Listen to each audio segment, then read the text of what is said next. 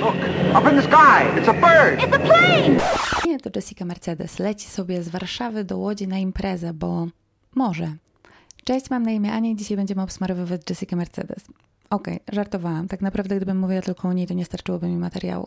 Ale będziemy mówić generalnie o celebrytach, o ludziach bogatych i o tym, jak często używają swoich samolotów albo wypożyczają samoloty. To wideo powstaje dzięki mojej współpracy z firmą Colorful Standard. Colorful Standard to firma odzieżowa produkująca z bawełny organicznej i z wełny z recyklingu. Ich ciuchy są naprawdę świetnej jakości. Sama mam i czapkę, i dresy i gorąco, gorąco polecam. Kolory się nie spierają, a do tego wszystkie ciuchy, pomimo używania już ponad rok, wyglądają naprawdę super świetnie. Jeśli spodoba się Wam coś z ich oferty, to pamiętajcie skorzystać z mojego kodu rabatowego. Nie będę go teraz czytać, bo on jest bardzo skomplikowany, ale znajdziecie go w opisie. A tymczasem dziękuję Colorful Standard za to, że ze mną współpracuje. Jesteście super. Korzystanie z prywatnych odrzutowców nie jest niczym nowym, jednak opinia publiczna zauważyła, że robią to gwiazdy, celebryci czy ludzie bogaci jakoś w lato tego roku. Wszystko rozpoczęło się chyba od Kylie Jenner, która, jak okazało się, wykonała 3-minutowy lot i swoją drogą, kiedy myślę sobie o tym trzyminutowym locie, to zastanawiam się, czy nie ma ona w domu lotniska, bo przecież jak jej się opłacało dojechać na lotnisko z lotniska i przelecieć te trzy minuty, czy nie łatwiej było pojechać samochodem? W odpowiedzi na krytykę właśnie w związku z tym wydarzeniem Kylie Jenner trochę strollowała internet, ale nie oszukujmy się, nie jest ona jedyną, która to robi. I w ogóle to zjawisko korzystania z prywatnych odrzutowców jest tak powszechne, że na Twitterze pojawiły się konta boty, które automatycznie publikują informacje na temat tego, jaka gwiazda przeleciała skąd dokąd i jaką ilość zanieczyszczeń wyemitował jej lot. I tutaj na przykład widzimy takie konto, które jest wytworzone zbiorczo dla wszystkich znanych i lubianych osobistości tego świata.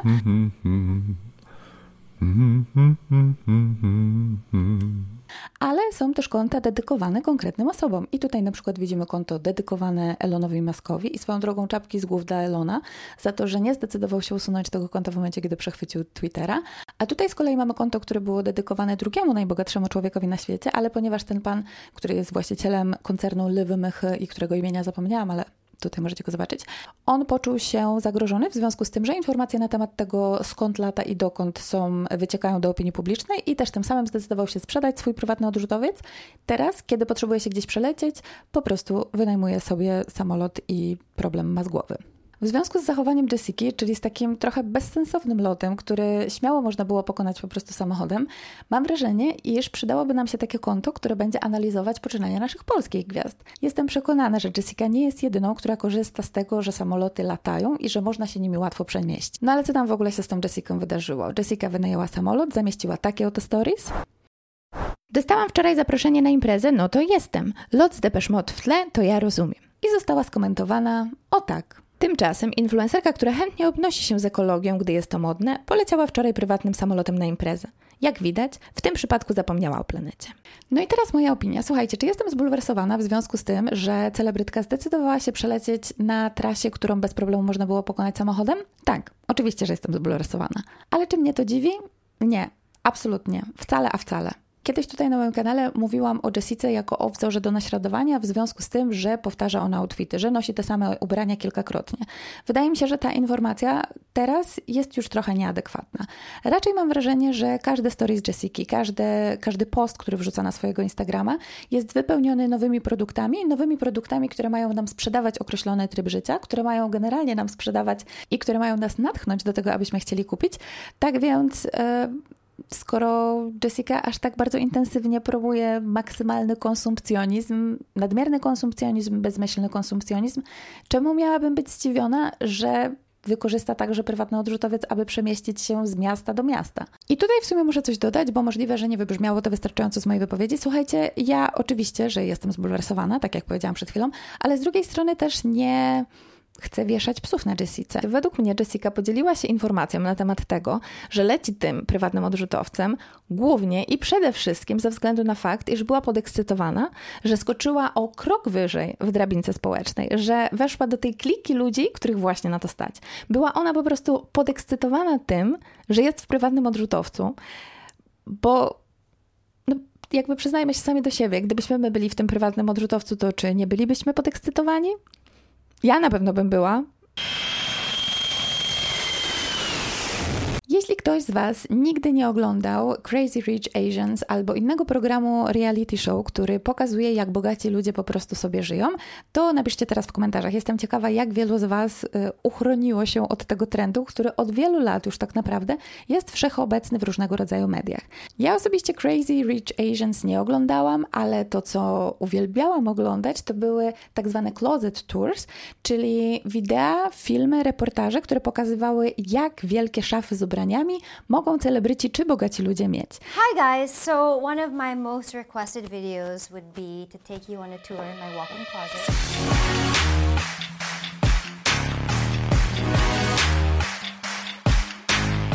I słuchajcie, te szafy mogą być po prostu naprawdę olbrzymie. One czasami są wielkości mieszkań, na pewno są większe niż wiele mikrokawalerek, które znajduje się w Warszawie. I jeśli jesteście zainteresowani obejrzeniem takich szaf, to w ogóle ja oglądałam takie właśnie tury razem z komentarzem na kanale od Le Mode, który swoją drogą gorąco Wam polecam, bo tam chłopaki świetnie znają się na modzie i super ją komentują. No ale wracając do tematu, bo możliwe, że teraz ktoś powie, o Boże, przecież Ania miała być tą rozsądną, miała być minimalistką, miała promować zrównoważone życie, miała promować zdrowe podejście do przedmiotów, a teraz tutaj wychodzi z niej totalna hipokrytka. I słuchajcie, tak, ja sobie zdaję sprawę z tego, że tutaj staram się wykreować na taką personę, która jest mega odpowiedzialna pod kątem wszystkiego, co kupuje, jednak też właśnie uważam, iż powiedzenie, że w żaden sposób kultura konsumpcjonizmu na mnie nie wpływa, byłoby hipokryzją. Bo słuchajcie, ja urodziłam się w Polsce i od najmłodszych lat oglądałam olbrzymią ilość programów telewizyjnych, na przykład takich jak e, Fashion TV, TVN Style, czy oglądałam również różnego rodzaju programy na MTV, bo w tamtym czasie, właśnie kiedy ja byłam nastolatką, MTV zamieniało się, przepoczwarzało się z telewizji muzycznej w telewizję, która głównie publikuję różnego rodzaju programy reality show. No i też tym samym y, konsumowałam ten content i coraz bardziej i bardziej zachwycałam się tym, że ludzie mogą mieć dużo, że ludzie mogą w ogóle mieć przedmioty, że są przedmioty, które są mega wartościowe, które zmieniają nasz status, które zmieniają nasz status społeczny. No i, no i właśnie, jakby muszę, muszę tutaj obnażyć się teraz przed Wami i przyznać się Wam, tak, ja także, ja także od czasu do czasu oglądam życia bogaczy, spojrzę na ich 50. Hermes Birkin i myślę sobie, wow, ale fajna. O tym, dlaczego gromadzenie dużej ilości przedmiotów albo pokazywanie tego, że się te przedmioty ma, jest atrakcyjne dla nas jako ludzi, mówiłam w wideo o haulach i generalnie polecam was, Wam obejrzenie tego wideo, bo tam dużo bardziej rozbieram na czynniki pierwsze sam proces, jaki zachodzi w nas w momencie, kiedy widzimy dużą ilość zgromadzonych przedmiotów i sam proces, który skłania nas do tego, abyśmy i my chcieli tą dużą ilość przedmiotów mieć. Gromadzenie dużej ilości przedmiotów kiedyś oznaczało możliwość przetrwania. Mówiąc kiedyś, mam na myśli kiedyś, kiedyś, słuchajcie, w takich latach, kiedy jeszcze nie było sklepów, do których można było pójść i kupić truskawki zimą. Mam na myśli w czasach, kiedy rzeczywiście trzeba było gromadzić, aby przetrwać. Teraz jednak gromadzenie niekoniecznie wiąże się z ratowaniem swojego własnego życia, ale jednak jakoś tak e, podświadomie my nadal patrzymy na nie dokładnie w ten sam sposób. Dodatkowo też różnego rodzaju przedmiotom nadajemy znaczenie symboliczne i właśnie dlatego po ulicach przechadzają się ludzie, którzy noszą polówki, na przykład z takim małym e, naszytym krokodylkiem, albo ciuchy, które są oklejone po prostu biało-czerwono-niebieską flagą Tomiego Hilfigera. Produkty tych firm, teoretycznie dostępne całkiem szerokiej grupie odbiorców, mają jednak w sobie jakąś taką magię. Dodają nam splendoru, sprawiają, że podskakujemy trochę na szczebelkach klasowych i też tym samym czujemy się lepiej na swój temat, a też inni, patrząc na nas, widząc nas właśnie w tych przedmiotach, odbierają nas troszeczkę lepiej. Takich przedmiotów, które mogą zmienić nasz status społeczny jest bardzo dużo i wydaje mi się, iż y, nie musimy tutaj dywagować zbyt wiele nad faktem, iż prywatne odrzutowce są jednymi z takich przedmiotów. Jeśli miałabym szukać powodów, dla których najbogatsi ludzie na świecie kochają swoje prywatne odrzutowce, to najprawdopodobniej ich główną supermocą jest to, że bardzo szybko są w stanie prze przenieść nas, przetransportować z punktu A do punktu B. I najprawdopodobniej, dopóki teleportator tak to się mówi po polsku, nie zostanie wynaleziony, to właśnie prywatne odrzutowce będą ich e, pierwszym, najważniejszym i ulubionym sposobem transportu. Tutaj, jak zawsze, pojawia się jednak. Ja zawsze najpierw mówię o czymś, co jest pozytywne, a potem mówię jednak. Jednak tutaj w ogóle będzie jakiś haczyk i również prywatne odrzutowce mają jeden haczyk. Prywatne odrzutowce są niesłychanie obciążające dla środowiska. Są tak obciążające dla środowiska, że no właśnie, mam teraz kilka statystyk, którymi chciałabym się z Wami podzielić. No więc tak, będę spoglądać tutaj na dół, bo mam dzisiaj laptopa zamiast mojego telefonu. I słuchajcie, w 2019 roku przeciętny Hindus y, wyemitował mniej niż 2 tony dwutlenku węgla rocznie. Przeciętny Polak wyprodukował 8,76 dwutlenku węgla rocznie, a przeciętny bogacz no słuchajcie, po prostu pierdyliard więcej. I tutaj czuję się w obowiązku, aby powiedzieć, że nie ma dokładnych danych odnośnie tego, co robią bogacze. Okazuje się, że pieniądze są w stanie kupić wszystko, w tym także prywatność. I tak jak e, możemy znaleźć olbrzymią ilość pracy na temat tego, w jaki sposób żyje klasa średnia, czy klasa robotnicza, czy generalnie ludzie najubożsi, to jeśli chodzi o to, w jaki sposób żyją bogacze, tych informacji jest bardzo mało. Jednak z tych strzępków informacji udało mi się wysupłać pewne całkiem interesujące fakty. I jakie one są? Znalazłam jedną analizę, która mówi, że pomiędzy 1990 a 2015 rokiem w Polsce, bo to w Polsce ta analiza była prowadzona, 10% najbogatszych ludzi było odpowiedzialnych za 30% wszystkich emisji dwutlenku węgla, jakie były. Ta analiza została zakończona 7 lat temu. Według mnie w tym momencie jest już zupełnie nieadekwatna. Na przestrzeni tych 7 lat wszyscy zaczęliśmy konsumować więcej, ale przede wszystkim bogaci ludzie zaczęli konsumować dużo, dużo więcej i także te prywatne odrzutowce stały się dużo tańsze, tak więc dla nich dużo bardziej osiągalne. Spodziewałabym się więc, że obecnie te 10%, najbogatsze 10%, jakie mamy, no, to generuje dużo więcej zanieczyszczeń niż 30% wszystkich, które Polacy produkują, jednak nie mam na to dowodów, aby potwierdzić tą tezę. To jest tylko takie gdybanie, na które się teraz posiliłam. Mam jednak inne badania. I słuchajcie, na przykład raport wydany przez YARD, czyli Brytyjską Agencję Marketingu Zrównoważonego Rozwoju, przeanalizował dane dotyczące lotów celebrytów, którzy, które generowały największe emisje i na szczycie tej listy znalazła się Taylor Swift. Taylor Swift wyemitowała z samych podróży samolotem ponad 8 tysięcy ton dwutlenku węgla. Oznacza to, że Taylor Swift w niespełna rok wyemitowała prawie tysiąc razy więcej emisji w porównaniu na przykład do przeciętnego Polaka i w żaden sposób się z tym nie kryje. No i czemu o tym wszystkim mówię? Słuchajcie, mówię o tym wszystkim dlatego, że często z bardzo wielu stron słyszymy, że lotnictwo jest jednym z najbardziej obciążających środków transportu i że powinniśmy dbać o to, jak z niego korzystamy, że powinniśmy być rozsądni, że powinniśmy kupować tak zwane carbon offsets i tak dalej, i tak dalej. Jednak prawda jest e, taka, że my oczywiście również mamy straszny, olbrzymi wpływ na środowisko, kiedy korzystamy z samolotów, ale ten wpływ jest nieporównywalnie mniejszy do tego, co robią celebryci i osoby bogate po prostu. Pomiędzy rokiem 2013 a 2014 przeprowadzono w Wielkiej Brytanii badania, które wykazały, że zaledwie 15% całego społeczeństwa brytyjskiego było odpowiedzialne za 70% wszystkich emisji, które Wielka Brytania za sobą pozostawiła. Żeby było jasne, mówię tutaj tylko o emisjach z lotnictwa i latania samolotem. Według grupy zajmującej się czystym transportem, która nazywa się Transport and Environment, 10% wszystkich lotów, które opuściły francuskie porty lotnicze, to loty, które były obsługiwane przez prywatne odrzutowce.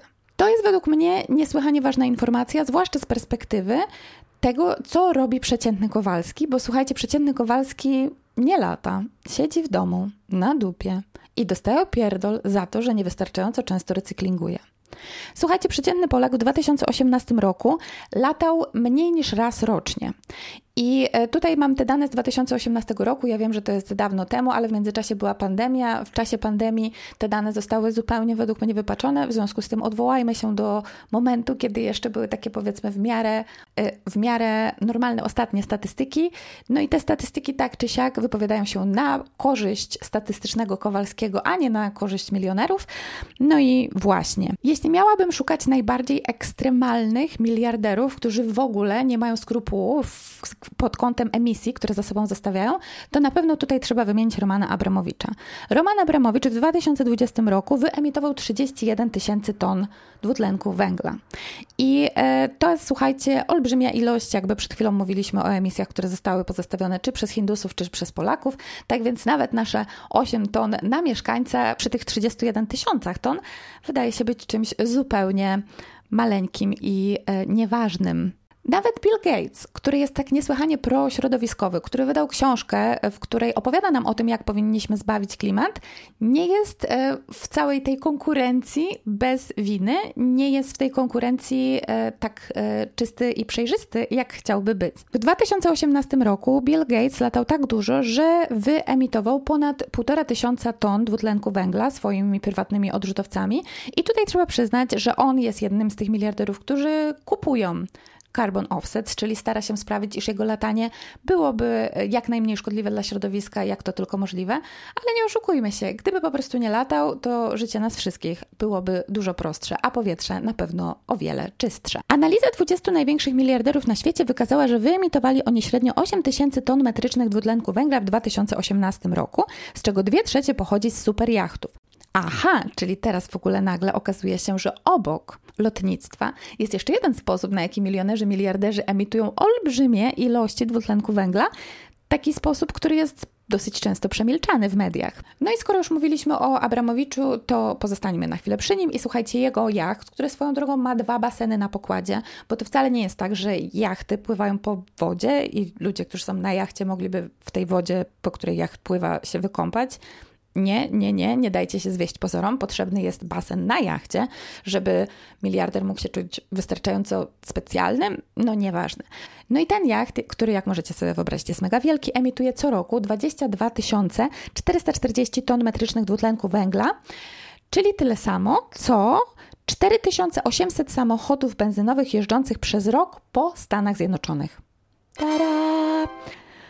Och, Boże, Roman, Roman, o czym ty myślisz, kiedy po prostu zaśmiecasz nasze powietrze spalinami? Mówiąc o milionerach, miliarderach, o ich superjachtach, o ich prywatnych odrzutowcach, nie można pominąć tematu pandemii. Dlaczego? Ponieważ pandemia to był ten bardzo ciężki czas, w którym bardzo wielu z nas było zamkniętych w domu, ale teraz, przygotowując się do tego wideo, dowiedziałam się, iż głównym powodem, dla którego ja utkwiłam w domu, był fakt, że nie miałam wystarczająco dużo pieniędzy, aby po pierwsze kupić sobie prywatny odrzutowiec, a po drugie jacht, aby wozić się w oświecie, bo słuchajcie, okazuje się, że milionerzy, miliarderzy i bogacze tego świata, ludzie zanieczyszczający nasze środowisko po prostu każdego dnia, właśnie to robili. I tutaj jakby nie ma co, nie wierzcie mi na słowo, musimy odwołać się do danych.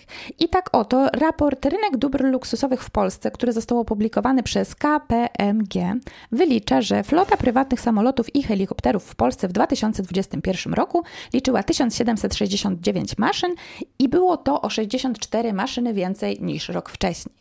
Co niesłychanie ważne w tym raporcie to fakt, że z tych 64 maszyn 56 zostało zakupionych i zarejestrowanych albo na osoby prywatne, albo na jednoosobowe działalności gospodarcze, czyli na prywatne osoby, które po prostu zdecydowały sobie takie środki transportu kupić.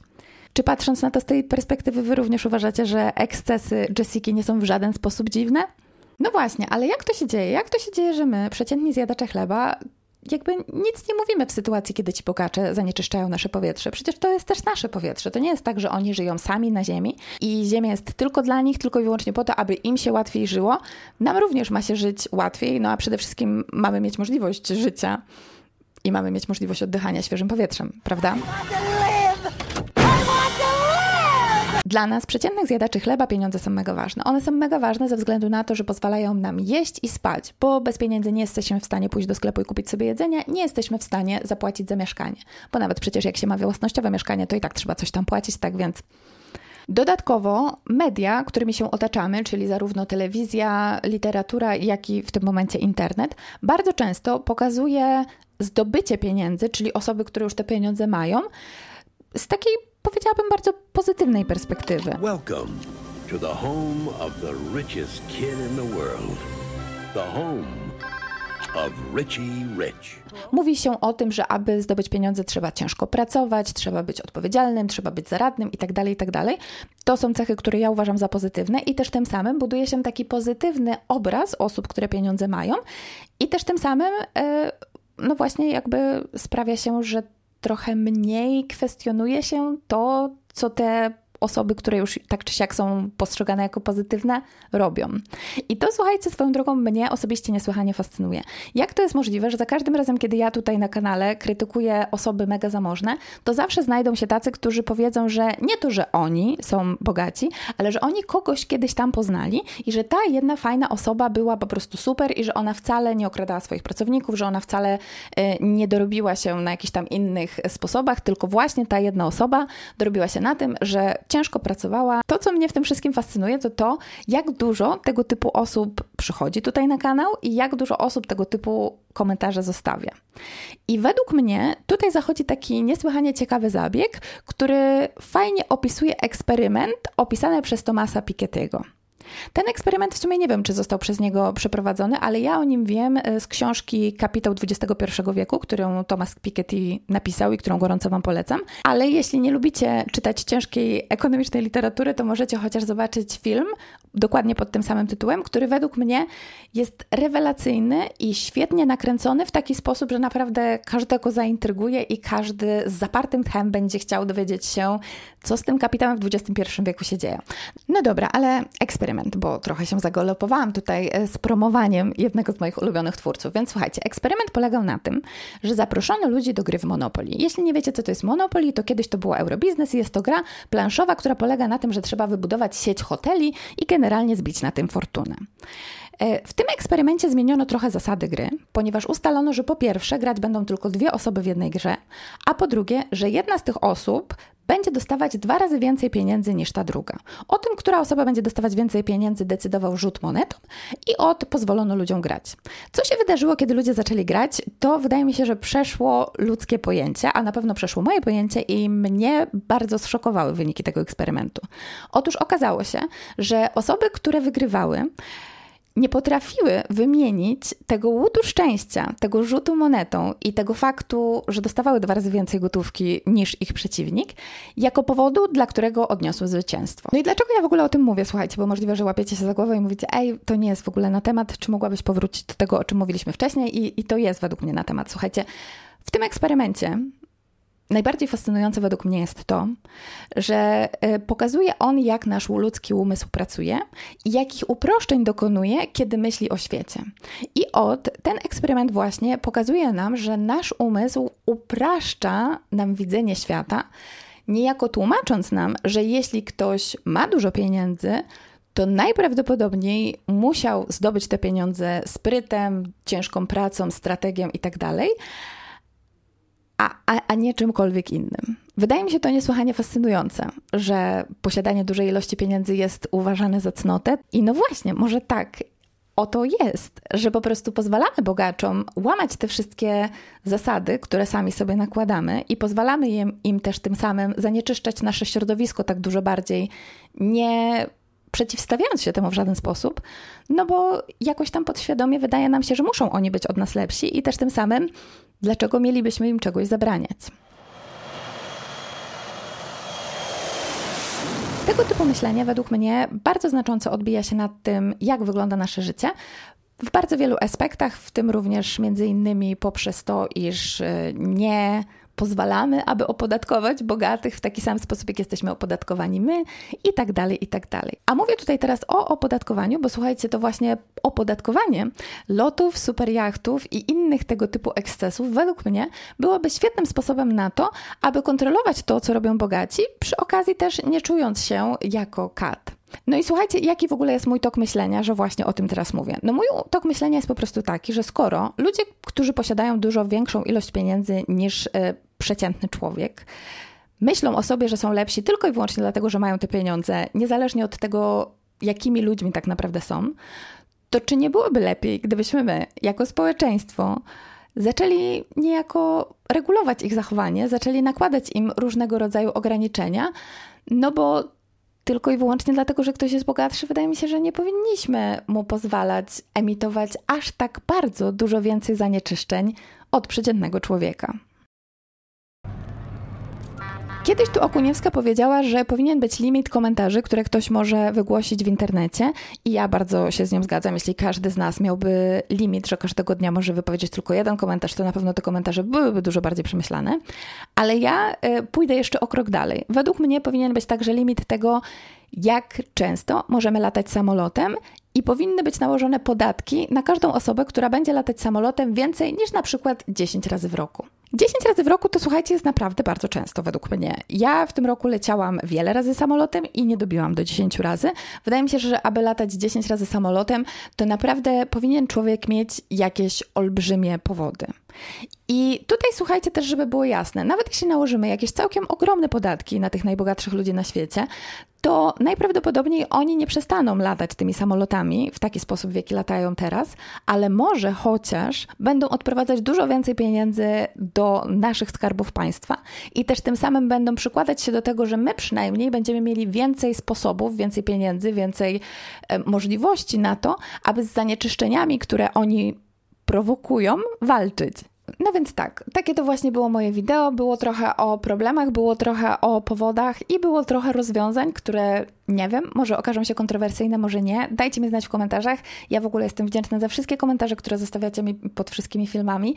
Czytam je wszystkie, nie zawsze uda mi się na wszystkie odpowiedzieć, ale jestem bardzo, bardzo wdzięczna każdej osobie, która poświęci swój czas na to, aby cokolwiek do mnie napisać. Tak więc dziękuję Wam bardzo za to. Dziękuję również wszystkim wspierającym mnie tutaj na kanale. Jesteście kochani i dzięki Wam jestem w stanie tworzyć dużo lepsze treści. Tak więc e, piątkę dla Was. To w ogóle było trochę takie jak lame. No, dzięki, że wytrwaliście do końca i do zobaczenia w następnym odcinku. Pa, pa!